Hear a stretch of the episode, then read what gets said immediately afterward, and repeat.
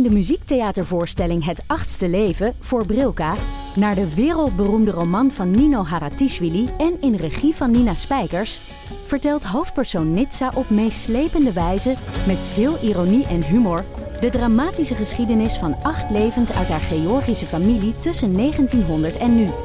Een hartverscheurend en tegelijk troostrijk drama verteld vanuit het perspectief van vrouwen uit verschillende generaties waarbij het publiek meegenomen wordt op een emotionele, visuele en muzikale reis door de 20ste eeuw.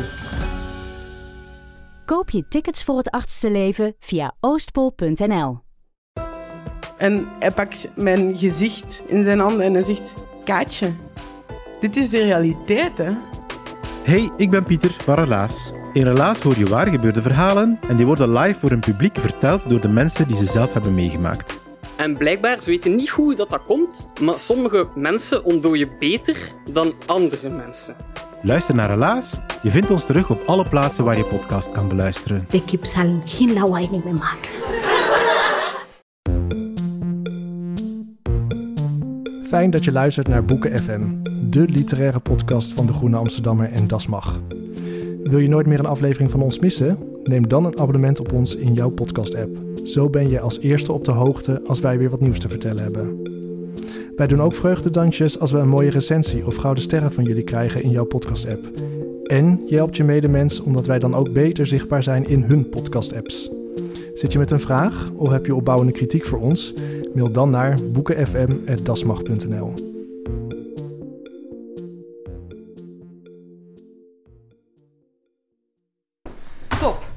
Kopjes op. Ik moet om 7 uur er vandoor, schatje. Nou, dat gaan we zeker redden. Let's go. Let's go. Nobody listens to techno. Even. Oké. Ken, Oké. jij, ken jij je klassiekers? Ja, ja, ja. We zijn er weer, lieve mensen. zijn er weer. Boeken FM, gezellig dat je luistert. En eh, vooraf alvast even een kleine mededeling, want jullie hadden hier natuurlijk weer de zoetgevoiste stem van Bob verwacht. Maar Bob ligt er een klein beetje af, dus eh, we hebben hem lekker thuis onder de wol gedaan met een kruikje en teddybeer en de best of Monty Python. Dus er ligt helemaal zen Oxanax is erbij gedaan. En we hebben vandaag weer als. Bob-verlossing hebben we Merel. Merel, hallo allemaal. Welkom bij een nieuwe aflevering van Boeken FM. De literatuurpodcast van uitgeverij Das Mag en de Groene Amsterdammer. Vandaag gaan we het hebben over het onlangs verschenen werk Het Wolkenpaviljoen van Jannie Regnerus. En Jannie die heeft ons een mailtje gestuurd waarin ze aangaf dat ik haar achternaam in de vorige aflevering verkeerd heb uitgesproken. Waarvoor nogmaals excuses Jannie. Het is dus Regnerus in plaats van Regnerus. Zullen we het gewoon maar Jannie noemen dan? Jannie lijkt me ook Jongens, leuk. kom op. Ik praat vandaag over het Wolkenpaviljoen met dichter en literair columnist Ellen Dekwiets. Ja. Hallo Ellen. Hi, Moppie. En schrijver en adjunct hoofdredacteur van de Groene Amsterdammer Joost de Vries. Hey Merel. Hoi jongens. Straks meer over het boek. Eh, nu even wat anders. Oh, wat? Oh, huh? Huh? Hm? Hm? Sander Kollaert heeft de Libris Literatuurprijs gewonnen. Ja, ja. En ik heb eh, vandaag de online uitreiking eh, heb ik, eh, teruggekeken. En ik vond het heerlijk hoe ongemakkelijk het allemaal Oh was. mijn god, dat was toch Zo ongemakkelijk. via het videobellen en de verbindingen en zo. Hebben jullie ook gekeken en wat vonden jullie ervan? Nee, ik heb niet gekeken, want ik geloofde het allemaal wel. Ik, ik, ik kon die avond het zelf niet live zien. En toen ik zag wat de uitslag was, dacht ik, nee, ja, we hadden hem deels voorspeld. Ik dacht ook, ja, ik vind het gewoon kut met Perel voor Manon Uphoff. Die had er moeten winnen, boek van het leven. En eh, ja, de, ik, ik hoorde dat het echt gewoon een Mr. Bean film was, hoe die hele uitreiking in zijn werk ging. Ik nee, ik heb helemaal niks gemist. Maar vertel eens even mensen, er was iets met dat dus vervangend juryvoorzitter de titel van het winnende boek niet kon uitspreken. Ja, dat was een pijnlijk momentje. Ja, dat was Oei, pijnlijk, dus pijnlijk iemand met momentje. Wernicke-afasie kan dus wel bepalen of iets literatuur is, maar helaas niet communiceren. Eh, ja, ik weet niet meer hoe ze het uit was boven de houding van de Een, Volkskrant. een dag uit het leven van een hond of zo, zei Ja, ze. Ze, dag, ze zei dat- een dag uit het even leven mis. van en toen het leven van een hond. Wat En- eigenlijk zo, Jonica Smeets was de juryvoorzitter, maar die was op het laatste moment afgehaakt. Wat? Eh, Konden ja. ze niet op haar rekenen? ja, nee, die was ziek naar huis of zo, iets, iets dergelijks. Iets dus met toen, eh, privéomstandigheden Oh, en jeetje. eh, succes en sterkte en zo. Oh jeetje, arme Janneke. Ehm, maar ik vond het wel erg leuk dat eh Kollaert zijn hond had meegenomen en die een feestmuts had opgezet. En kaasblokjes met vlaggetjes erin had op tafel gezet. Ja, maar ik vond het ook heel leuk dat hij, dat hij later wel gewoon helemaal vol schoot. En dat het niet alleen maar... Schoot hij vol? Hij schoot vol, ja, Echt? toen hij werd geïnterviewd. Oh, dat ja, nee, het, was, het was aan het einde van eh Nieuwsuur. Oh, Eh, en dat vond ik wel heel lief. Dat het Oh, niet alleen een spelletje voor hem was met iets waar hij zijn hond op zette. Het probleem is natuurlijk dat, dat het moet heerlijk voor hem zijn geweest. Alleen de volgende dag was iedereen wel op de socials behoorlijk Woedend. boos dat het niet Woedend. was. En dat het, en vooral ook dat het weer een man was van die prijs. Dus Ja, weer een man. Hij is in totaal nu door twee of drie vrouwen Drie gewonnen. Oh, nou, dan valt het reuze mee op 300 jaar. Dat is helemaal niet zo erg. Weet je wat ik echt... Ik vond het gewoon nogmaals zo sneu voor Manon Uphoff. En weet je, we hadden, jullie zeiden ook net tegen elkaar... als je al een jaar lang gedoodverfd winnaar bent... en je boek staat in de eindejaarslijstjes... dan sta je... Zei je het nou net, Joost? Ik luister nooit zo goed. Met 1-0 achter. Ja, in feite Ja. wel, ja. Dat is natuurlijk, en je snapt ook wel... Kijk, ik twijfel niet aan... Wij hier met z'n drieën waren ook allemaal weg van het boek van Sander Kollaert. Hmm. En vonden het Nou, gewoon ik heel niet, want sterk. ik heb het nog niet Oh, gelezen. je hebt het nog niet gelezen. Nou, Merel en ik Dus- waren in ieder geval wel echt Ja. fan. Ja.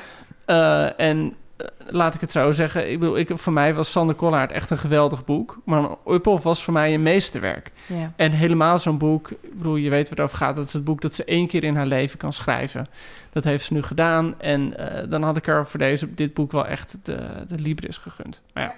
Oké jongens. Ehm, Onrecht, onrecht dus. Tijd onrecht, voor iets onrecht. anders. Tijd voor iets anders. Het Wolkenpaviljoen van Jannie Regnerus. Maar zal heeft, even- heeft Jannie jou persoonlijk gemaild? Ik ben gemaild door de uitgever. Gewoon Echt? van... eh, nee, ze heeft me persoonlijk ons oh, naar boekfm.dasmag.nl, hoe jongens. sprak je het uit dan? Schrijf- Als Rechnerus? Regnerus. Oh, dat klinkt wel lekker als Scandinavisch of zo. Ragnarok. Rechnerus. Oh, dat klinkt inderdaad. Ja. Maar je, je, hebt- Hmm. je hebt een ezelsbruggetje, hè? Want ze heeft dus dan zowel ja als nee in haar stem zitten.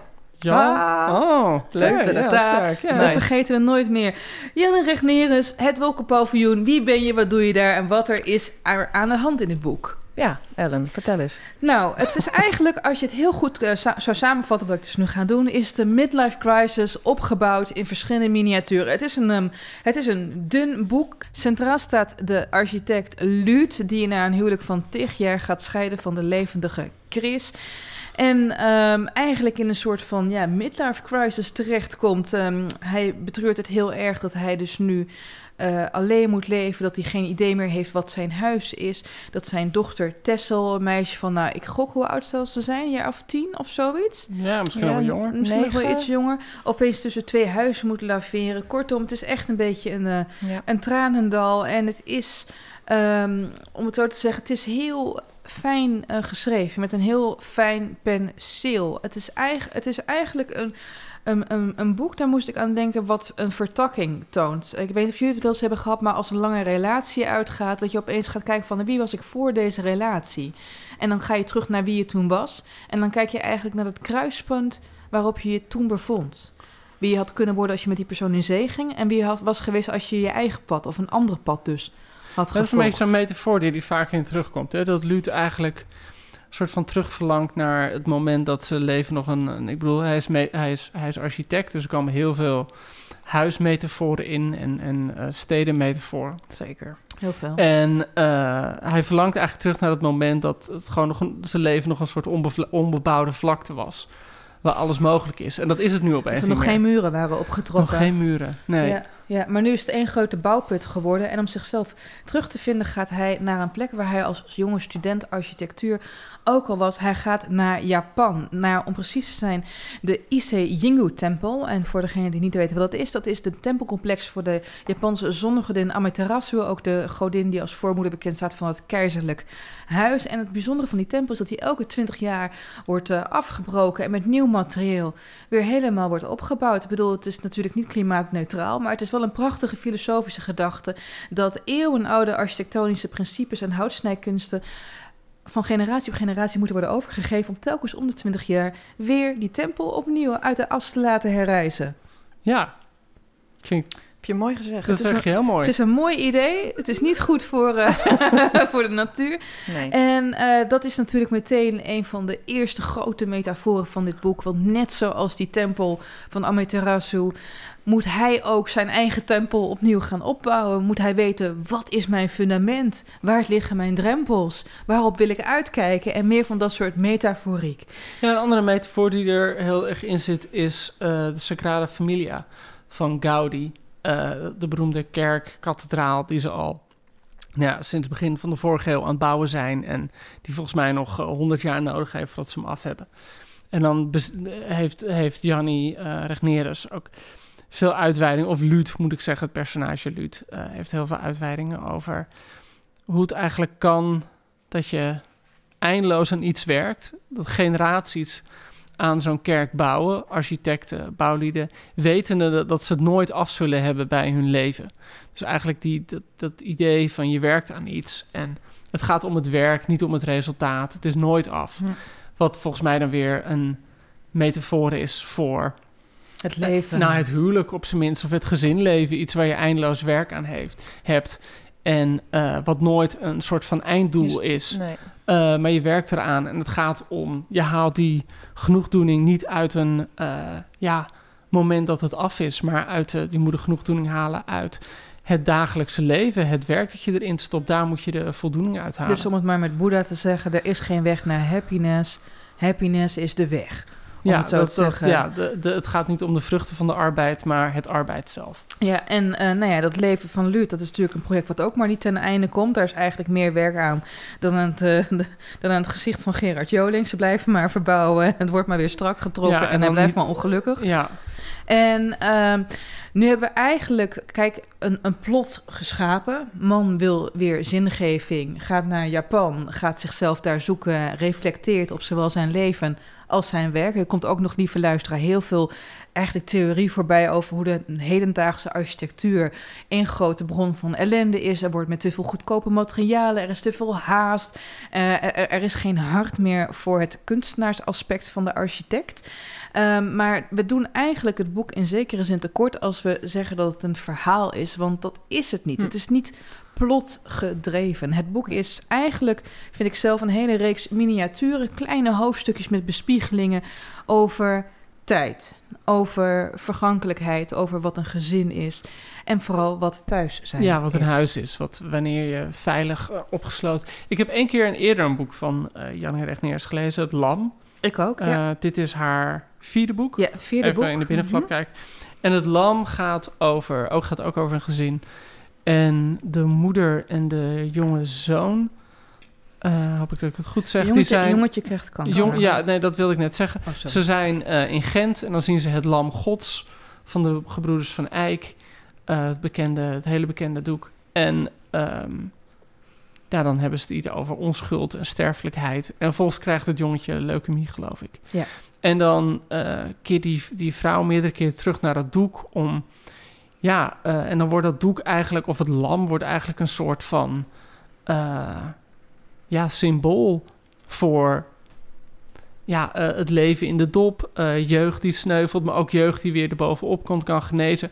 Dus eigenlijk maakt zij van dat schilderij een enorm symbool. Ja.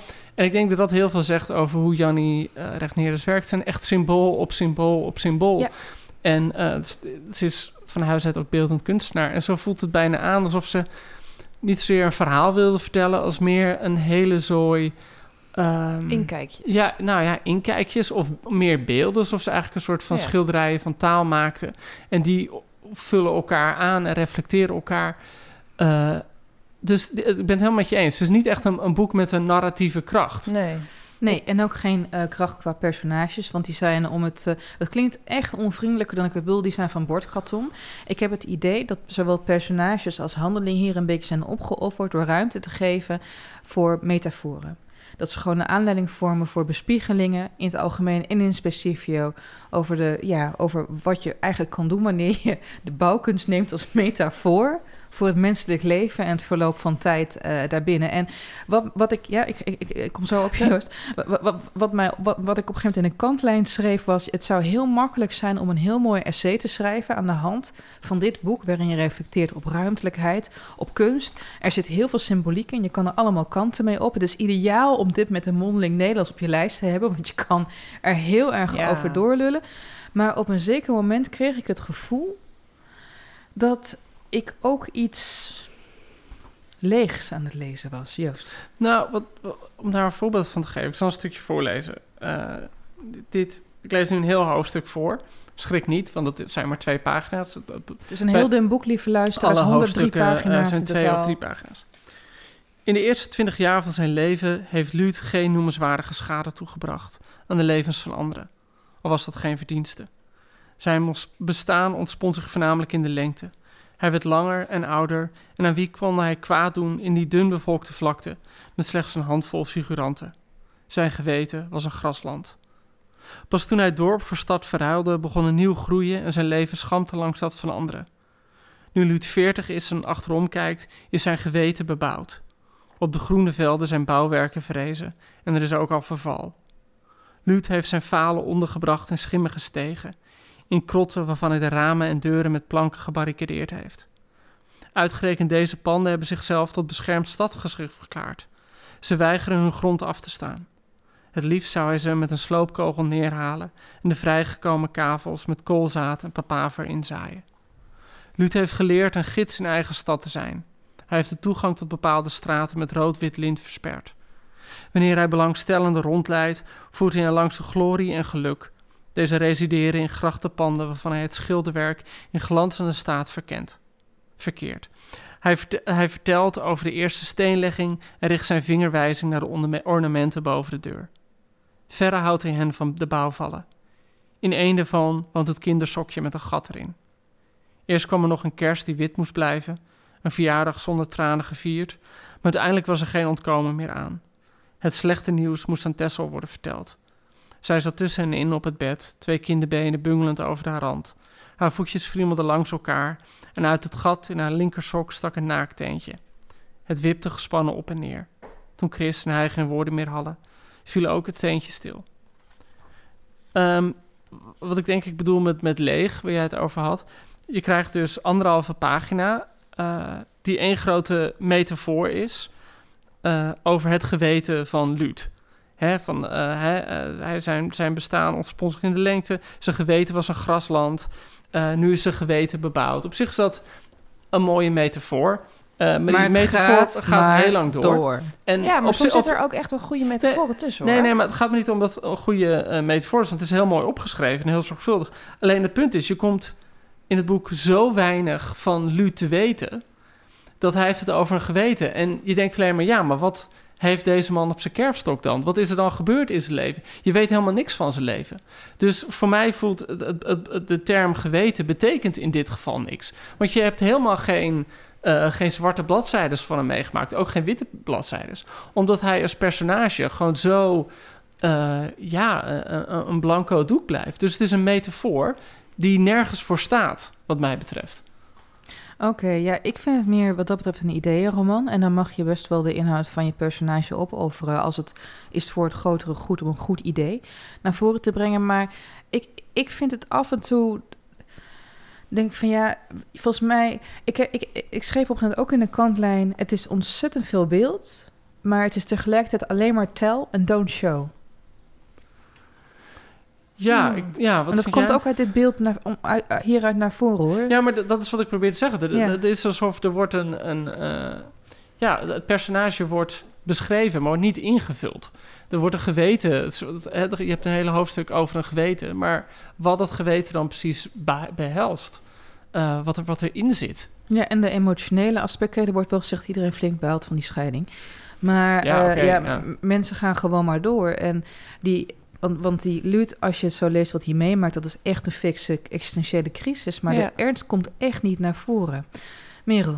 Nou, ik had wel een stuk waarvan ik echt het knap vond... hoe ze zonder poespas in een, in een, in een dus weer kort stuk, omdat het dus korte stukken zijn, ja, dat klopt. Mm vertelt hoe die, hoe die relatie met, uh, met Chris, dus zijn vrouw, eigenlijk zo snel uh, de diepte in is gegaan en langzaam gebroken is. Zal ik ook voorlezen.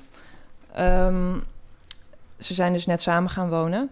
Een groot herenhuis werd hun thuis. Het pand verkeerde in vervallen staat, maar Lut zat vol plannen. Dit was een kans om haar te laten zien waartoe hij in staat was.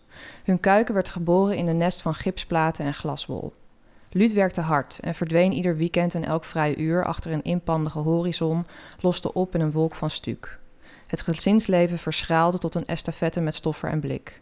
Dat Chris de monumentale voordeur met een ophaalbrug begon te vergelijken, paste niet in zijn bouwplan. Steeds vaker vluchtte ze weg van de bouwplaats naar iemand met wie ze haar gedachten kon delen. Luut had geen tijd om door te vragen. Op een ochtend brak Chris, net als de theepot die ze in zijn richting smeet. Achter zijn rug spatte het aardewerk tegen een pas gestukte muur uiteen, bruine vlekken en druipers tot op de plinten. Haar kin trilde hevig en in haar voorhoofd en wangen verschenen diepe lijnen. Haar gezicht leek op een gebarsten autoruit. Nog één verkeersdrempel en het zou in scherven uiteenvallen. Voor het zover was, draaide Chris zich om en wankelde naar de deur. Nog diezelfde middag overschilderde Luut haar wanhoop met dekkend wit en kocht een nieuwe theepot met een dessin van blauwe hartjes. Chris leeg zich te voegen. Haar klachten verstomden en het frontale zoeken naar con- contact boog af. Ze werd schuw en liet zich niet meer in de ogen kijken. Ja, dat is heel erg mooi. Ja, dat vond ik echt Dat heel, erg, heel erg mooi. mooi. Ja.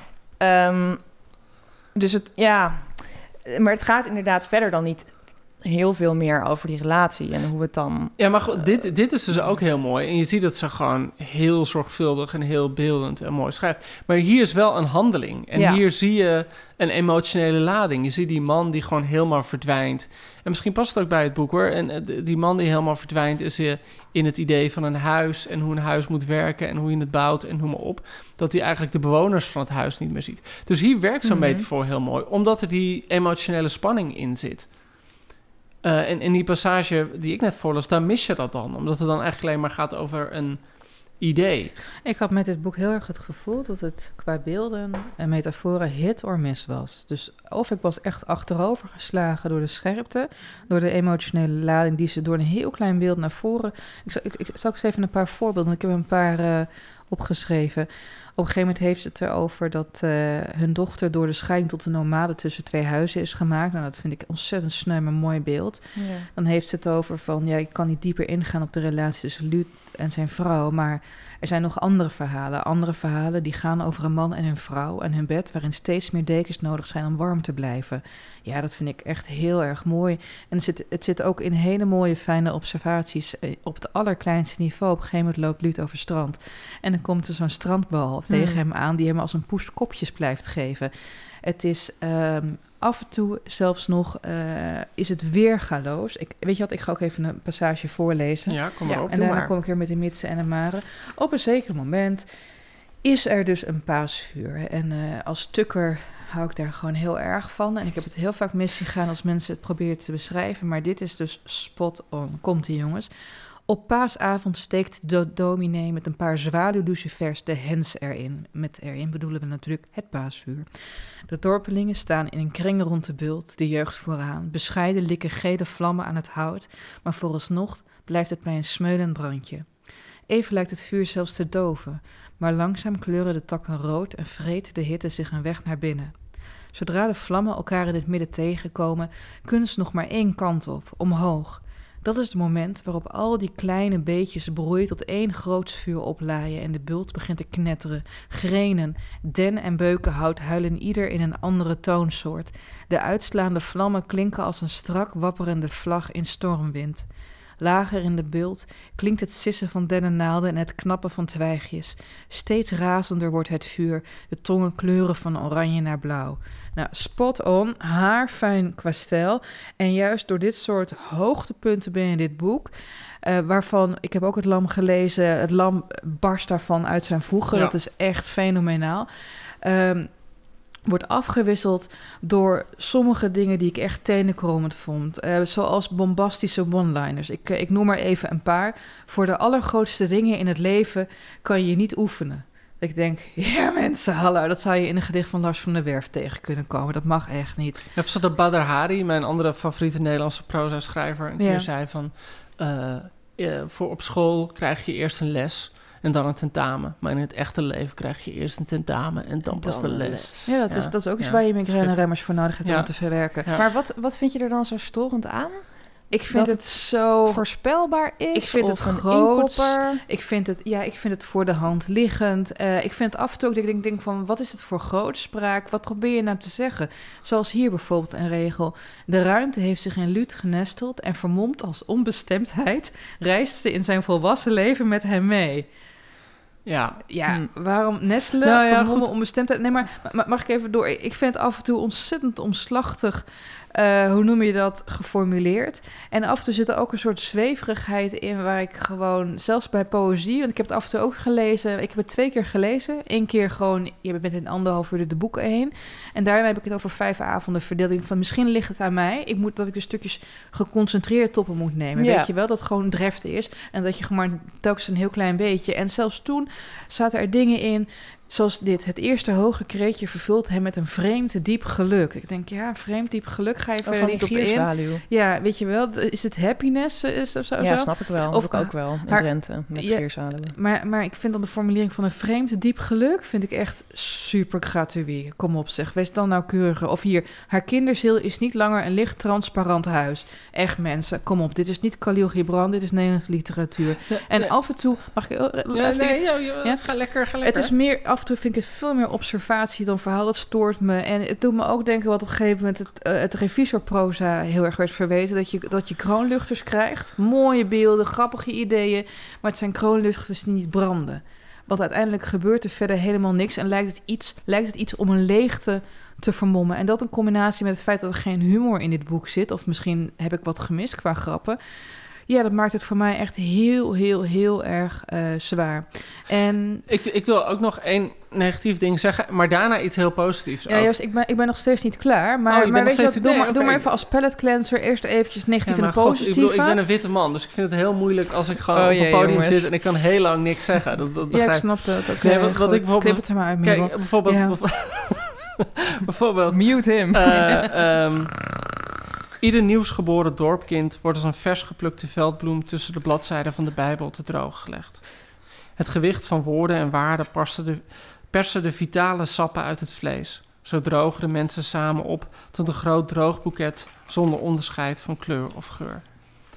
Dan denk ik, die alinea, wat je eigenlijk de auteur verwijt, en dat klinkt heel gemeen, is dat, hij, dat ze misschien net iets te blij is met haar eigen vondsten soms. Ik vind die eerste zin, ieder nieuwgeboren dorpskind wordt als een vers geplukte veldbloem tussen de bladzijden van de Bijbel te droog gelegd, vind ik een hele mooie Ja, vind ik- zin. ja, dat vind ik heel ja. mooi. Maar dan gaat ze dus door op die metafoor. Het gewicht van de woorden. En ik bedoel, dat zit eigenlijk allemaal al in die eerste zin. Dus ze, ze heeft een heel mooi, mooi beeld. En volgens ja, eh, verlekkert ze zich te veel aan dat ene beeld. Een beetje voor mijn Ja, gevoel. Ja, ik weet niet of je, ja, ik weet of je, of je dat zo kan zeggen, eh, Joost. Eh, je, je kan zeggen, er zit geen rem op. En dan kan je je afvragen of dat in dienst is van het werk. Ik weet niet. Ik, een, re- een, een redacteur zei een keer tegen mij... en soms heb je als van die... die zei van, je zit niet te lekker te schrijven. Je zit, hij zei van, ik zie je gewoon zitten... en je hebt een leuke zin. Dan denk je, oh, nog een beetje een krulletje eraan... en een dingetje. En dan ben je te veel gewoon met je, met je eigen plezier bezig of zo. En voor mij had... Ik had daar heel veel aan dat iemand dat een keer tegen me zei. En, en zo kwam dit voor mij ook een beetje over. Ik denk van, goh, soms is het... Ja, wordt het, wordt het te veel... eh, de goede vondsten eh, nog eens drie keer onderstreept. Ik, ik, ik ben nou met iets, he- iets heel moois aan het, eh, aan het lezen. Eh, Dat is Rumoer van Florette Dijkstra. Heb je daar wel eens van Nee. gehoord? Ja, wel Nee. Florette Dijkstra. Nee, daar, daar heeft het op een gegeven moment over dat een kunstwerk pas... Dat, dat, dat echt de, de kunst van kunst is dat je moet weten wanneer je stopt. En dat een goed kunstwerk Ja. onaf is. En af en toe heb ik het gevoel dat het... Nou ja, kijk, die, die metaforen ontsporen op een, op een gegeven moment dacht ik van... Ja, weet je, toen ik het had gelezen, dacht ik van misschien dient het een doel. Dus toen ben ik het nog een keer gaan lezen. Maar ik kon geen enkele reden bedenken waarom het een doel zou dienen. Kijk, bij Manon Uphoff bijvoorbeeld, daar die, zijn al die metaforen en taalgebruik om maar iets te overstemmen wat je niet in taal kan gieten. Eh, bij een boek waar ik af en toe ook qua metaforen leegheid echt aan moest denken, is Extremely Loud and Incredibly Close van Jonathan Safran Foer. Mhm. Waarin dat, hij heeft op een gegeven moment van, oh, ik, maakte ik, ik schreef muzieknoten op mijn lichaam en ik ging onder de douche staan en muziek spoelde van mijn lichaam af door de riolering. En ik op een gegeven moment dacht van, Ja, ja. weet je wel, rustig aan, tijger. Maar bij Oh, hem dacht je van, ja, maar dat jongetje is gewoon zo over zijn toeren. Natuurlijk gaat hij dat soort dingen de hele tijd Ja, ja. zeggen. Die, die, die, die zoekt de duiding.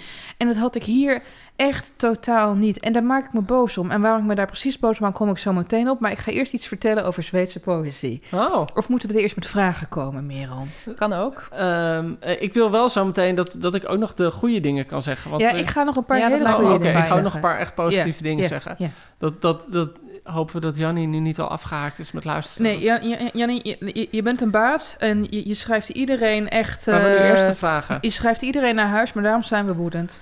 Eerste vragen. Ik ben niet woedend hoor, Jannie. Rustig maar. Eh, vraag 1.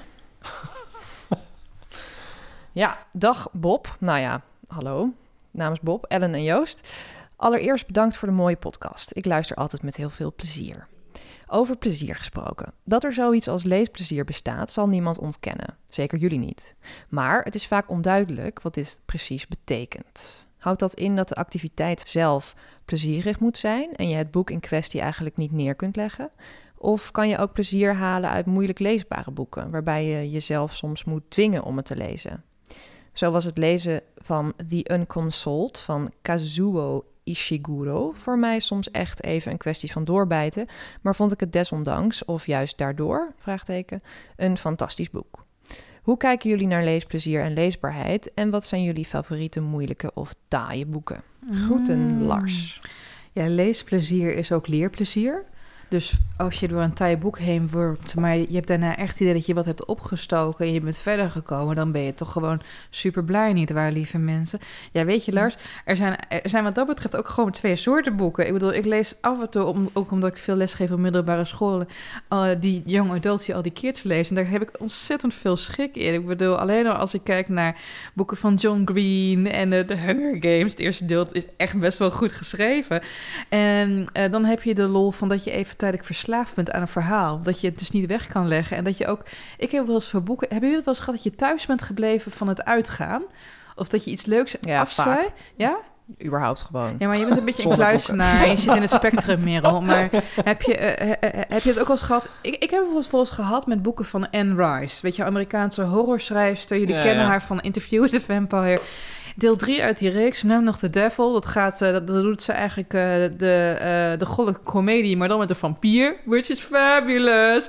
En ik kon gewoon niet stoppen. Ik heb gewoon, ik was toen 18 jaar, ik, op, in de bloei van mijn kunnen, mijn luxe en mijn vruchtbaarheid. Ik ben gewoon zaterdagavond thuis gebleven. Ik weet nog wel een keer, dat was denk ik bij niet de laatste, maar de ene laatste Harry Potter. Maar dan vraag ik wel hoe oud ik ben inmiddels. Dat ik, dat ik eh, thuis kwam en dat ik best dronken was. En dat ik dacht Dat van, heb je verteld bij een eerdere ik aflevering. moet nu wachten totdat ik nuchter ben. Dat Ja. ik echt zo op de bank zat te wachten Ja, totdat ik weer koffie nuchter en was. kook nemen. zodat ik gewoon je, weer ja. Harry Potter kon lezen, inderdaad. Maar dat is natuurlijk een van de leukste, de, de leukste momenten. Is niet, niet alleen het lezen zelf, maar dat je dan gewoon denkt van... yes, over twee uur ben ik thuis en dan mag Kan ik, ik weer, weer. het boek Ja. lezen. Ja, dat is zo geil. En het grappige is natuurlijk dat, dat het plezier van lezen is deels heeft dat met de schrijver te maken, maar vooral met jou als lezer. En jij moet het, dat boek tot je nemen en al die zinnen moet jij in je hoofd omzetten tot beelden. En ehm, dus, dus het is ook een plezier dat je over jezelf afroept. En soms eh, heb je boeken die het helemaal precies voor je uitspellen en hoef je amper over na te denken. Ik heb het altijd gewoon heel fijn gevonden als je, eh, om in boeken te lezen die ik niet meteen snapte. En dat je bij wijze van spreken dingen moest gaan googlen. Om, Eh, dat, je, dat je dan zo langzaam het een beetje allemaal voor kan, je... kan je voorbeelden noemen? Ja, ik ben bang dat ik dan al zoveel voorbeelden heb genoemd. Maar ik bedoel, dat is voor mij zo'n ultieme leeservaring. Ik denk dat iedereen als kind eh, of al, opgroeiende eh, van die bepaalde bepalende leeservaring had. En ik had inderdaad met eh Salman Rushdie, Ground Beneath Their Feet, dat ik echt ja, gewoon alle verwijzingen. al die verwijzingen, Ja. dat ik het jaren later pas las en toen gewoon veel meer dingen snapte. Ik weet nog dat ik De Slinger van Foucault las van Umberto Eco. Ik heb dat boek nog. En er zit gewoon zo'n A4 twee A4'tjes in met alle woorden die ik moest opzoeken in Ja, het woordenboek, ik heb omdat ik die gewoon niet kende. Heb jij ook Edel Esje Bach gelezen? Ik was toen 17 ja. of zo. Ik heb echt alles onderstreept in, in mijn grote winkel Prins Ja, Amsterdam. ik ook, Alles ik snapte niks gewoon. Dat was nog En- voor internet, mensen. Ja, ja, nee, dat je echt gewoon... eh, en ik moet wel zeggen dat ik, ik, ik nu doorheen de helft van die woorden wist ik nu ook niet meer hoor, die Umberto Eco gebruikt. Ik bedoel, hij deed er ook wel echt om. Eh, dus, dus ja, dat- dat- ik bedoel, kijk, we hebben nu heel vaak zo debat over wat moet je om ontlezing tegen te gaan, wat moet je middelbare scholieren geven. En sommige mensen zeggen dus altijd van ja, geef ze juist boeken die aansluiten bij hun leven en eh, hè, dat ze zich kunnen identificeren met de personages. En ik, zelf had altijd dat ik het geweldig vond om juist over mensen te lezen. Ik bedoel, ik groeide op in Heergewaard. Ik bedoel, het laatste wat je wil lezen Oh, is een boek over arme, mensen ja. in Oh, Heergewaard. ja, ja, ja. Eh, eh, dus ik vond het heerlijk om juist om over dingen en plekken te lezen waar ik geen kennis van had en wat gewoon helemaal nieuw voor me was. Mm, mm, Echt mm, dat je mm. door literatuur zo'n nieuwe wereld eh, tot je krijgt. Wat- wat- En jij, Merel? Sorry. Nou ja, ik, ik, ik heb als ik een boek echt heel fijn vind, dat ik soms zelfs zoiets heb van eigenlijk wil ik nu niet verder lezen, want Ja, dan, ja. dan is het alweer bijna uit. Dat je dan een soort van weg gaat leggen en dan toch weer en dan toch weer weg en dan ja. Kan je Dat een is voor voorbeeld mij, geven? eh, nou, eh, het wolkenpaviljoen. Echt waar? Ja. Ah, oké. Oh. Hoor je dat, Jannie? Oké. Maar dat was bij mij ook echt omdat... eh, ja, na elk stukje had ik zo'n gevoel van... Oké, ik doe er nu nog twee of drie en dan leg ik het weer weg... en dan ga ik er even over nadenken en dan weer... En Maar zo'n zo, boek ja, is het wel heel inderdaad. fijn ik, bedoel, ik, heb lezen. het, ik heb het in denk ik gewoon mij. een paar uur gelezen. ja. Je, je kan het bijna in één zitting lezen, maar alle hoofdstukjes ik maar vermoed- trouwens jongens, staan is het echt niet op meer een zichzelf. novelle dit? Ja, wat maakt het uit? Kunnen we, is de, nou ja, misschien dat dan de verwachtingen anders zijn als je het een roman noemt? Ja, maar we hebben het nu over de vraag van Lars, hè? ja, ja tuurlijk. Ja, oké, maar Dus, we, we eh, mogen... we- we, eh, ja, ja, maakt het uit eigenlijk of het een af. roman of een novelle is? Nou, weet je, of, of, het, of het zelfs non-fictie is. Want ik ben dus nu ook Hmm. bezig eh, met een boek eh Cannibalen en Koningen van Thomas Harris. Wat gaat over cannibalisme, Azteken, pacifisme en de positie van de vrouw. Heerlijk! Wow. En eh, ik kan het aan de ene kant niet wegleggen, maar soms ben ik ook, want ik ben natuurlijk geen antropoloog en dit is een antropologisch boek, dat ik af en toe gewoon echt even achterover moet leunen om het even allemaal te beseffen. Maar ik heb er zoveel lol, want weet je, het is, waar, wat ik dus net ook zei, leesplezier staat soms ook gelijk aan, lees, aan leerplezier. En ik heb soms met bepaalde boeken dat ik heel moeilijk vond om doorheen te komen, maar dat ik achteraf zo blij ben dat ik het heb gelezen. Ik bedoel, eh, dat met sommige boeken, eh, zoals bijvoorbeeld het werk, en dat is meer filosofisch, maar hij schrijft in dialoog voor het werk van de Franse filosoof Maurice Blanchot. Dat vind ik echt geweldig, maar je leest gemiddeld, nou, 10, 15 pagina's per uur, omdat, je, omdat het echt zo Mm. ingedikt is. En hetzelfde is eh, van Paul Ricoeur, ken je dat, Joost? Ja, ja. Eh, Form Time and Narrative. Nou, dat is echt fantastisch, maar na, na 10 pagina's per uur lig je echt soort met een gedeukte cere- eh, frontaalop eh, naast je bank. Maar ja, echt moeilijke romans. Ik heb het natuurlijk allemaal snobben, hè, lieve luisteraars, snobs. oeps. Dus we gaan ook niet zeggen dat we een boek heel moeilijk vonden. Ja, ik wel. Ja, Het is wel, eh, even kijken hoor. In 2000, ik keek vandaag in dat boek, het desbetreffende boek, en daar had iemand een opdrachtje ingeschreven voor mij, heel lief. Kleine brandjes overal. En heel veel hartjes en zo. En eh, nou, eh, eerste regel, dit boek is heel mooi en dat ben jij ook. Dus daarom Oh. komt het goed Loop je uit. nou Joost de. Friese merel? Really? Anyway, Dat is wel wat ik in alle boeken die ik signeer schrijf ik altijd. Dit boek is heel mooi, net als jij. nou, bij nog- deze en nog steeds tip maagd. voor Joost. I like that. Oké. Ehm, en dat was Zen en de kunst van het motoronderhoud. Oh ja. Hebben jullie dat gelezen? Jazeker. Ja, ja, ja. Ja, echt ja. heel Van eh. Robert M. Peersig, Yes. als ik het eh, misschien Het goed meest uitspreek. Don't know. geweigerde boek ooit bij uitgeverij. Het is precies gezegd 144 keer heeft hij een nee op het manuscript gehad. Wow, wat, wat goed dat je, wat leuk dat jij dat weet. Een Ja, that trivia. Ja, trivia. Nice. trivia. Ja, uitgegeven in 1974. En eh, dat is dus eigenlijk een filosofische verhandeling opgelost in een roman. Ehm, heel kort, het is een, een reis door Amerika op de motor, van Minnesota naar Californië. En eh, nou ja, door, eh, wordt gereisd op een motor door de verteller en zoon Chris. En ehm, die- dat reisverhaal is verweven met filosofische ideeën van de eh, verteller. En bepaalde vragen over het leven die hij oproept. Ja, en de vraag wat kwaliteit is. Hoe, Wat- je, ja. hoe iets goed is. Ja. En hoe de westerse mens naar eh, voorwerpen kijkt en mechanica. Mhm. Waar de oosterse mens hem nog wat over kan leren. Ja, vandaar Maar- dus het motoronderhoud. Maar dat Ja. vond je pittig. Ik kan, kan me indenken. Ja, vond ik soms best wel pittig. Omdat ik heel erg genoot van het, het reisgedeelte. Eh, maar de persoon die dit aan mij gas, gaf, was volgens mij, deed volgens mij een, een master filosofie of zo. Dus voor hem was het allemaal prima te doen. Hmm. Eh, maar voor mij was het eh, wat ingewikkelder. Maar dat deed dus niet onder aan de leeservaring. Ik heb Hmm. het boek wat bij mij naar binnen schiet als ik erover nadenk... is Drijfzand koloniseren van AFTH van der Heijden. Dat is, AFTH had natuurlijk heel lang die tandloze tijd eh, cyclus. Het bestond uit, weet ik het, tien delen inmiddels. Eh, en toen begon hij aan een nieuwe serie, de Homo Duplex cy- cyclus. En een van de eerste boeken die hij daarin zat, was een... Ja, dat boek bestaat uit alleen maar dialogen. Alleen die personages waren gewoon nog niet bekend. Ik bedoel, AFTH had ze waarschijnlijk allemaal in zijn hoofd.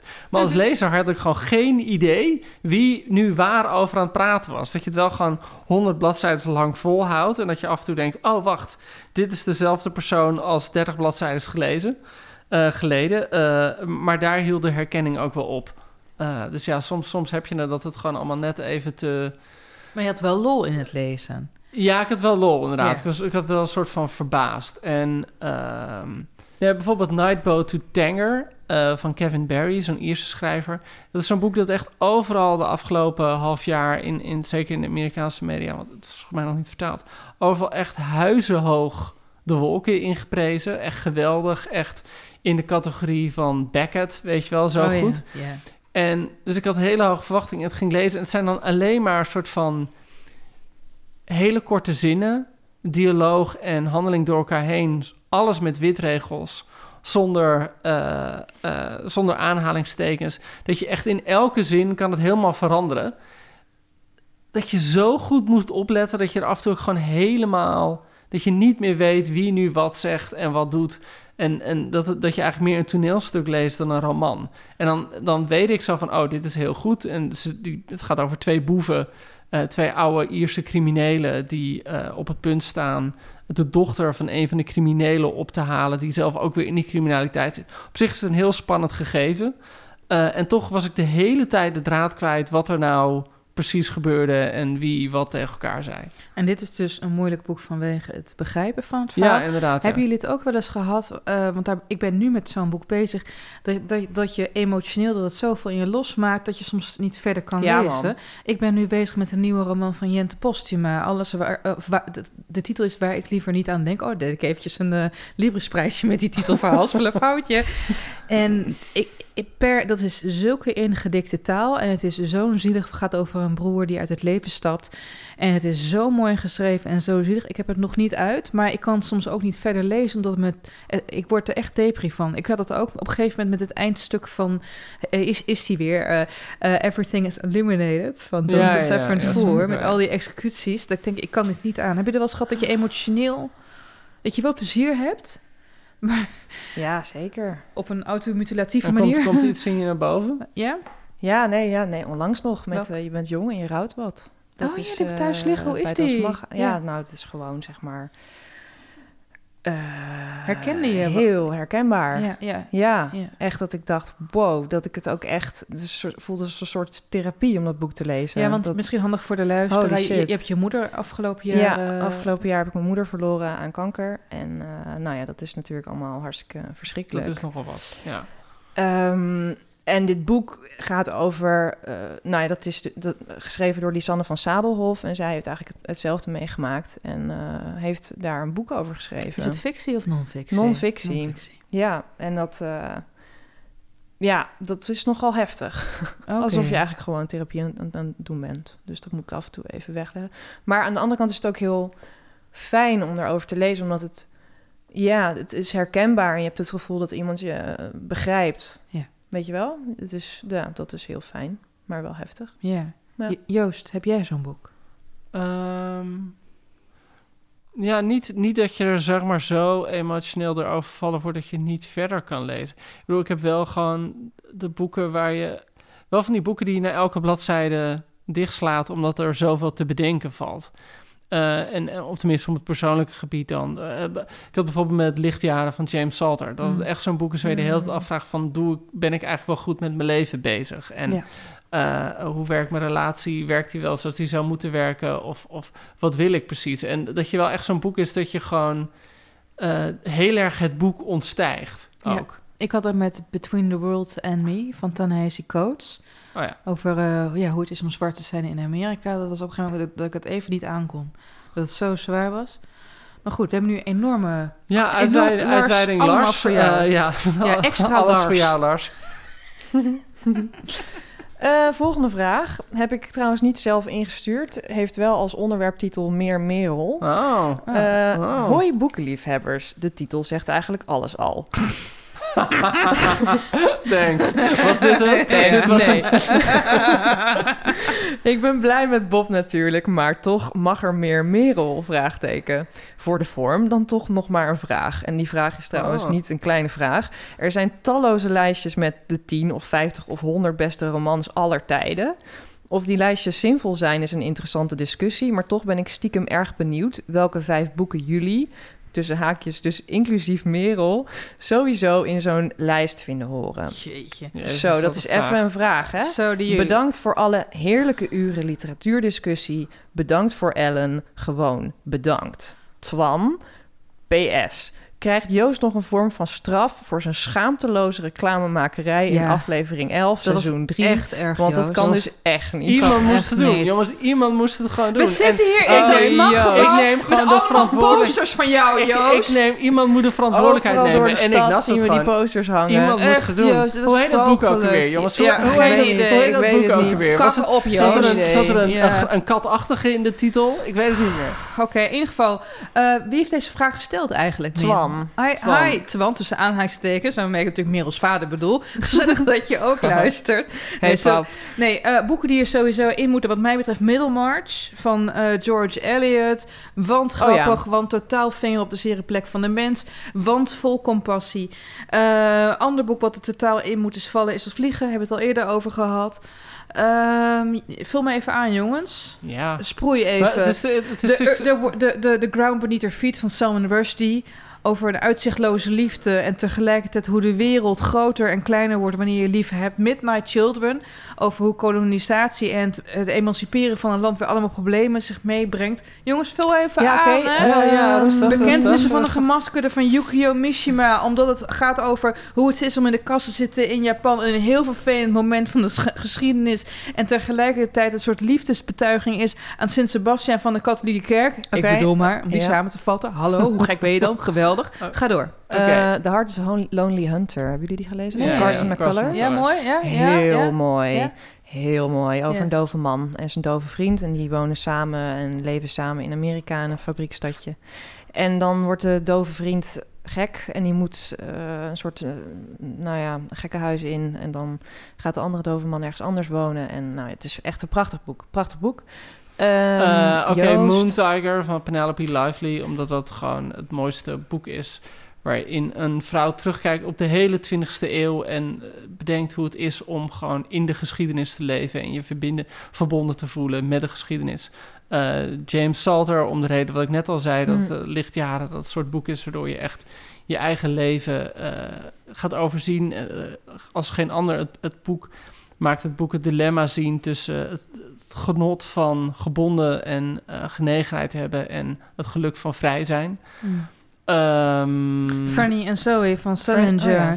Sowieso om hoe het is om een maker te zijn, maar ook wat je met je leven aan moet als je het gevoel hebt dat je beter bent dan de rest. Wat iedereen waarschijnlijk heeft, toch? Ja, Ik niet. Eh, altijd. De. Patrick Melrose boeken van Edward St. Alban. eh, het zijn vijf delen.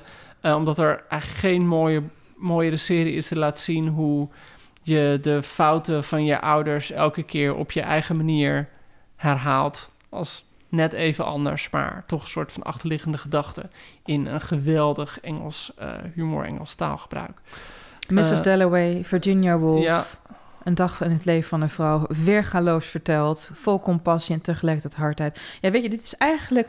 Hier moeten we gewoon een keer een podcast Hier over moeten we een maken. top 2000 aflevering van maken. maar gewoon in de laatste tien dagen van dit jaar. Oh, Eén één lange opsomming. Ja. Gewoon. Dat we ook Alleen maar, alleen maar nice. Gewoon. Dat mensen het gewoon aan kunnen zetten om bij in slaap te vallen. Trouwens ook Ta-Nehisi Coast Between Maar the World and doen ze dat sowieso wel. Fantastisch boek.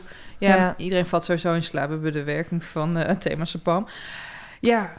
Ja. Gaan we terug Grief is the thing with feathers. Oh, nee. Ja, nee, nee, nee, nee, nee, Ja, nee, jongens, nee, ja, nee, ja. Sorry, Luister dames en naar heren, mail is nog nieuw. Ze luisteren af en toe zegt ze dingen. Ja, en als je Eh, Merel me- heet, heb je wat met veren. Dus ja, ja. natuurlijk je ontologische voorkeur. Houd niet af, ze is net nieuw. Ja, ja, stagiair. Eh, ja, stagiair. Ja. Zullen we weer teruggaan naar Jannie Regneres? Ja, Oké, terug naar Jannie. tuf. Wat ik dus wilde zeggen over Ja, het wolkenpaviljoen van Jannie Regneris. Het wat? Het wolkenpaviljoen. Oh ja, oké. Ehm, is dat ik het eigenlijk wel... We hadden net voor, voor de pauze, zeg maar, voor de vragen... eh, heel veel commentaar op een aantal dingen. Dat ik het wel... Ik moet dus wel zeggen dat ik het met heel veel bewondering heb gelezen. Omdat op een bepaalde manier dacht ik... Ja, wij kunnen er nu van alles van vinden. En ik kan me voorstellen dat zij daar helemaal boven staat. In de zin dat... Volgens mij heeft ze met het boek precies gedaan wat ze heeft willen doen. Het boek is op een bepaalde manier best wel hardcore... Het is echt iemand die een bepaalde poëtica heeft, gedacht heeft: ik ga niet dat narratief erin werken. Ik ga, het gaat me niet om het verhaaltje. Het gaat me niet om de personages. Het gaat me puur om de taal en de beelden die ik daarmee oproep. En dat is het voor mij. Zo'n gevoel is het. Zo'n gevoel heb ik. Dat, dus compromisloos het is gewoon compromisloos. Heeft ze gewoon heel erg uitgevoerd wat ze heeft willen uitvoeren, denk ik. Ja. En daar heb ik altijd wel gewoon heel veel bewondering voor. Ja, mee eens. Deed me ook heel erg denken aan, en die noemt ze ook vaak, eh, Invisible Cities van Italo Calvino. Hebben jullie dat gelezen? Ja. Want dat is dus exact dezelfde vorm eigenlijk. Ja. Eh, ik heb het nog even gecheckt, maar eh, Calvino heeft 25 steden en dit zijn niet 25 stukjes. Ik dacht bijna van, zou wel heel oh, mooi zou het zijn, zijn als het hetzelfde is. Maar ehm, ja, dat, dat vond ik ook wel, daar heb ik ook van genoten. Ja, het is, het is een boek met uitgebeende taal. En tegelijkertijd, en, eh, en, en dan kom ik eigenlijk tot de kern van mijn bezwaar. En tegelijkertijd mijn bewondering voor dit boek. Dus uh, Janja, als je met een kettingzaag klaar staat bij mijn huis, bedoel, kan je tegenwoordig ook makkelijk op internet vinden. Even wachten nog. Um, het is een metaforen overkill zonder reden. Ik, noem, ik, ik haal voor twee lukrake uh, citaten aan. Ergens beschrijft ze de lucht. De wolken drijven als slagroomtoeven en opbollende zeilen over het land. Dan denk ik, nou, dat vind ik echt al veel te veel. Dan zie ik eerst een melkproduct en vervolgens een zeevaart. Dat vind ik storend. Had, vind ik ook eh, imprecies, vind ik onprecies. En dan wordt ook nog aan toegevoegd hun schaduwen vloeien als inktvlekken. Nou, dat vind ik ontzettend cliché. En bovendien een schaduw als een inktvlek. Ja, dat, dat heeft een heel andere ja. kleursamenstelling. Verderop lees je dit. Op het schilderij staat een canvas grijsgroen herfstlicht... alsof hij met een stofschaar een lap uit de lucht heeft geknipt. Mooi.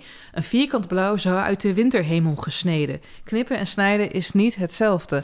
En eh, Lars Gustafsson, en zo komen we op de Zweedse Oh ja, je ging nog over zo. Dat zit al- alle mensen zitten nu echt, die hangen al, zitten al vooruit te scrollen van wanneer heeft ze het nou over Wanneer? Zweedse poëzie? Ik weet het, Zweedse poëzie. eh, Weet je, misschien moet je het ook gewoon even in de podcast aanmelding zetten. Zweedse poëzie Zweedse vanaf eh, poëzie, 20 ja. minuten Ja, 53. misschien moeten we daar gewoon een keer een hele aflevering over maken, flash, Zweedse flash forward. En doe maar een Of een heel forward. seizoen. Ja, Ja. vind ik een goed idee. Ja. Ik ben ook al bezig met een soort tijdschrift. Weet je wel, de Zweeds, zoals de Linda, Ja. met de punten Ja. achter. Anyway, de Zweedse dichter Lars Gustafsson sprak ik ooit eens, name drop, over, eh, over metaforen. En hij zei, metaforen zijn leuk, maar als je er te veel gebruikt en er af en toe een verkeerde tussen zit, dan gaan ze aan inflatie onderhevig zijn. En dat is precies, echt precies mijn probleem met dit boek. Dit boek lezen is af en toe een totale tantaluskwelling. Want je ziet aan de goede beelden dat ze het kan. Soms, soms blazen ze je echt van je sokken.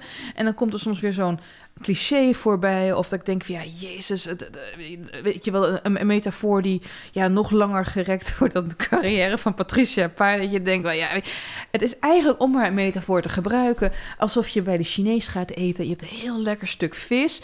En na twee hapjes stuit je op een graatje. En dan denk je, nou ja, oké, whatever. En twee hapjes verder stuit je weer op een gaatje, waardoor het, ge- de, de, het leesvertrouwen weggaat. Want je weet niet wanneer je weer op iets vervelends stuit. Dus het is één grote Ja. Harold Bloom, dat was een hele beroemde Ja, ja, ja. Amerikaanse criticus. Die zei een keer over John Updike. En John Updike stond er bekend omdat hij geweldig met metaforen was. eh, om dingen te beschrijven. En toen zei hij van... It's all description to no purpose. Mhm. En eh, Ja, kroonluchters die niet van- branden. Ja, dat, Ja. dat is het een beetje. Je, je beschrijft iets heel moois, maar wat is precies de reden dat het beschreven wordt? En, maar goed, dan gaan we er nu dus weer over eh, het bezwaar tegen het, het. Terwijl het, wat ik net al zei, op een bepaalde manier heb ik het gevoel dat het boek ook boven onze bezwaren staat. Ja, oh, absoluut, absoluut. Als een wolk. En, als, een, oh, als een ja, paviljoen Ja. in de wolken. Mag ik hem... Maar, Maar maar, Merel, zeg jij nog wat Lekker meer? Want jij, vond, jij was er wel echt heel enthousiast over. Ja, gewoon. ik vind, het, ik vind het echt... eh, ik heb ervan genoten. Ik vond het een hartstikke mooi boek.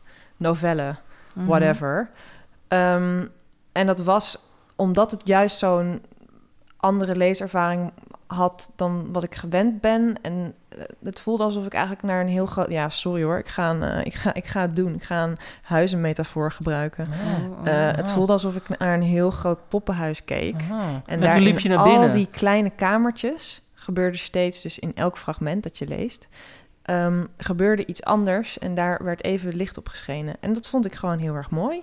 Dat heb ik denk, mag in ik, stukjes gelezen. mijn voorspelling is dat dit volgend jaar op de shortlist van de Libre staat. Ja, mijn voorspelling ook. En om nog Nou, even dat te staven. Want eh, ik, ik ben best wel hard geweest. Maar het is natuurlijk juist omdat, je, omdat er zulke goede stukken in zitten. Mhm. Stoor je ja, ja. extra aan de dingen dat je denkt, nou dit had Ja, anders zo- gekund. dat En ik weet niet eens of dat aan Regneren zelf... Misschien dat hij gewoon heel lekker schreef. En dat gewoon... Ik heb het wel vaker gezegd... dat een redacteur bij de uitgeverij... gewoon even de coma deed. Ik weet het niet. Maar nog even een voorbeeld dat het af en toe echt wel heel erg sterk wordt Luister mensen. Buiten joeg een sneeuwbui diagonaal aan het raam voorbij. Er zat drift in de vlokken. Ze smeet zichzelf tegen de grond en bestoven de bomen in het park van één kant. De mensen op straat bogen zich voorover tegen de sneeuwbui in. Alleen de voorkant van hun mutsen en jassen kleurde wit. Het leek alsof alles en iedereen werd gehalveerd, aan één kant uitgegumd. Ja, het is af dat je echt denkt van wauw, wat is dit prachtig. Ja, en ja dat heb ik ook aangemerkt. af en deze- toe extreem Ja, storend, dat je denkt, ja, nu ga je te ver met je lichttransparante kinderziel en dergelijke. En weet je wat het ook is? Het heeft bij mij ook te maken met te hoge verwachtingen. Want op basis van het lam, wat ik echt fantastisch vond. Ja, ja. Het- Het lam heeft namelijk wel meer personagetekening. Ja, ja, ja. En meer compassie. En er zit Ja. emotie in en ook meer humor in. Ja, humor was dus er het niet. is misschien ook... dat- Nee, dat is ook Vergeleken wel... met, eh, dan, als ik dan een puntje van bezwaar ja. moet geven... dat er geen humor was. En ik vind Nee, het is allemaal ernst. leuk. Het is allemaal ernst. is je vindt lachen wel leuk. vind je houdt lachen wel van leuk. humor. Ja. Klopt, ja. ik lach het liefst om mezelf. Nou, zullen we overgaan naar ehm, cijfers, blurb? Of willen jullie nog heel graag iets zeggen? Ja, nou, ik, ik, Iets zeggen gewoon in het algemeen. Gewoon in het Nou, laat algemeen. ik het zo zeggen, af en toe, af en toe kon ik er niet meer doorheen komen... omdat mijn, eh, mijn verwachtingen gewoon een beetje de grond in mij aangeboord... door een paar mm, totale missers. Oké. Ik denk, ik heb geen zin meer om te lezen. Nou, dat had ik niet. Maar ik denk wel dat dit zo'n boek is dat... eh, ja, ik zou wel zeggen, lees het gewoon. Ik Ja, bedoel, le- het is- lees, je hebt het echt mensen. in twee uur uit. Lees is het. eh, En- 120 en- en pagina's je doet er twee zo. weken over, Ja, ook niet erg. Of 100 Tijd voor pagina's is het maar. Het, Nee, het- ja. ik ben, het is echt zoiets waar je zelf... Je moet zelf het maar kijken hoe, hoe het over je heen komt. Ja, en het is, het, het is ook grappig. ehm, sommige, sommige recensies zijn helemaal lyrisch. Erover. is me nu al aan het uitlachen. Dit is de tweede uitzending. Dat is, Nee dat is ongelooflijk. Maar oké, dat doet ze los van de uitzending toch Oh ook ja, gewoon? eigenlijk ook altijd. Ja, ze schreef me Ja. ook altijd appjes van... Die was weer, die was weer belachelijk was jij vandaag. weer een Ja, sukkel. Ja, Echt, ja, fuck. ja, ja. Ik Ehm, zag je in de Albert Heijn in de rij Ja, staan. Ik dacht, ja, oh, er heb je allemaal weer. domme dingen in je mandje. ja, boter. doe eens... Ja, alleen maar boter. Boter. Alleen, sowieso, alleen maar zuivel. Als je, mij, als je mij in de Albert Heijn tegenkomt, gewoon alle, alle zuivelproducten. Van die cheese dips. crème fraîche en zo. Ja, echt gewoon... Beefy Nee, maar, maar, maar, maar lieve luisteraars... Ja, En eh, gewone koemelk, hè? Gewone koemelk. Kijk, de metafoor is dood, de grap is Oh, dood. ja, nee, maar ik dacht...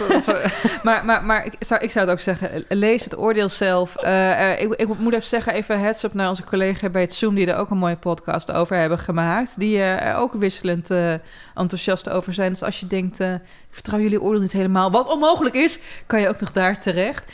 Maar ja, oordeel zelf. En een cijfer, mensen. Oh, ik heb nog een vet leuke fun fact. Oh, wat? Als Wat? ik niet Merel had geheten, had ik Tessel geheten. Oh, gelukkig maar dat je Merel heet. Oh, ik vind het best maar wel waarom, naam. waarom vertel je dit nu opeens? Ja, ik moest er opeens aan denken. Nou, ik had, Oh. we- weet je hoe ik had gegeten als ik een jongen was geweest? Nou? Joost. Echt waar? Niet, ja, ik zweer het je. Oh my Ja. god. Oh, Ja. god. En Heerlijk. jij, en, jij, Joost? en jij? Maartje zou ik gegeven Oh. hebben. Ik, ik, vind, ik vind mezelf ook wel echt een maatje. Patrick. Ja, maar, ja. Van die blonde vlechtjes. Toen mijn moeder zwanger was van mij, mijn, mijn, ze heeft me op het laatste moment heeft ze besloten dat ik Ellen zou heten als ik een meisje zou worden. Maar eerst was het Sterren. Lekker een millennial naam. Oh, want ik was toch op Tinder ja, 20 ja. jaar Ja, jonger zou oh, ja. lijken. Alsof ik, alsof ik, ik Wolf had Ja, geheten. Wolf, of ik moest op maan of zo. Ja, ja. Hey, jongens, we lachen er wel omheen, maar even een cijfer. ja, jongens. Nou, even serieus. Nu even laten zien wat we waard zijn. Dit is waar onze lezers voor inschakelen. Voor die cijfers. Niet voor ons gelul. Kom op, Ellen, we beginnen met jou. Op haar best is ze een dikke 9,5 en op haar zwakst is het een dikke 3. Dus het is voor mij, omdat ik gewoon toch echt meer had verwacht en het gewoon echt stoorde, sorry, een 7,5 geworden.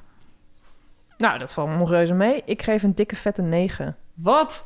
Ja, jongens. Holy smokes. Hoppakee. Eh, eh, knallen. Voor mij denk ik, al was dit boek 20% minder meter voor en 20% meer verhaal, dan was het echt een, eh, een dikke 9,5 geweest. Maar dat is het niet, dus ik geef een 7. Wow, oké. En dan- en nou dus heeft Ellen altijd- 23 en een 23,5. Dus dat is een 7,8 uit mijn bloot af. Ik weet het ook niet.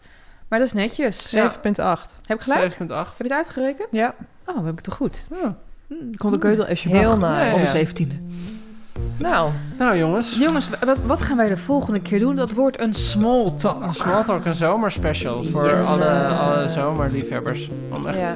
de zomerliefhebbers. Over zomerboeken, vakantieboeken. Joost gaat even zelf plegen op de achtergrond. Wij willen jullie bedanken dat jullie hebben geluisterd. Het was weer een groot genoegen. Volgende keer hopelijk weer met onze Bob erbij. Die nu gewoon lekker onder dingetje ligt te, te huilen, te kreunen, Ah, gelukkig te zijn. you. Sunset te Ja. kijken. Ik weet niet, maakt uit als hij maar gelukkig is en Merel, dankjewel. ja, graag gedaan jongens. Jullie ook bedankt. En, eh, mocht je als luisteraar nou nog vragen hebben of opmerkingen, dan kun je die mailen naar boekenfm.dasmag.nl. Yes. Of als je denkt, ik heb een boek geschreven en ik wil heel graag dat jullie hem in de volgende podcast gaan bespreken. En mijn naam goed uitspreken. en mijn naam goed uitspreken, dan kun je dat ook Ja, doen. Dan is Of, het of als je gewoon wil mailen, meer Merel.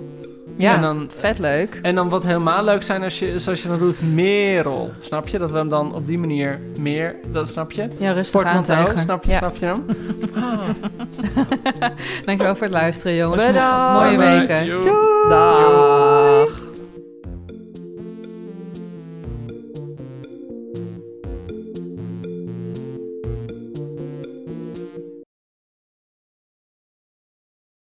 Over die grootse en epische muziektheatervoorstelling. Het achtste leven voor Brilka is een marathonvoorstelling van 5 uur. Koop je tickets voor deze bijzondere theateravond via oostpol.nl.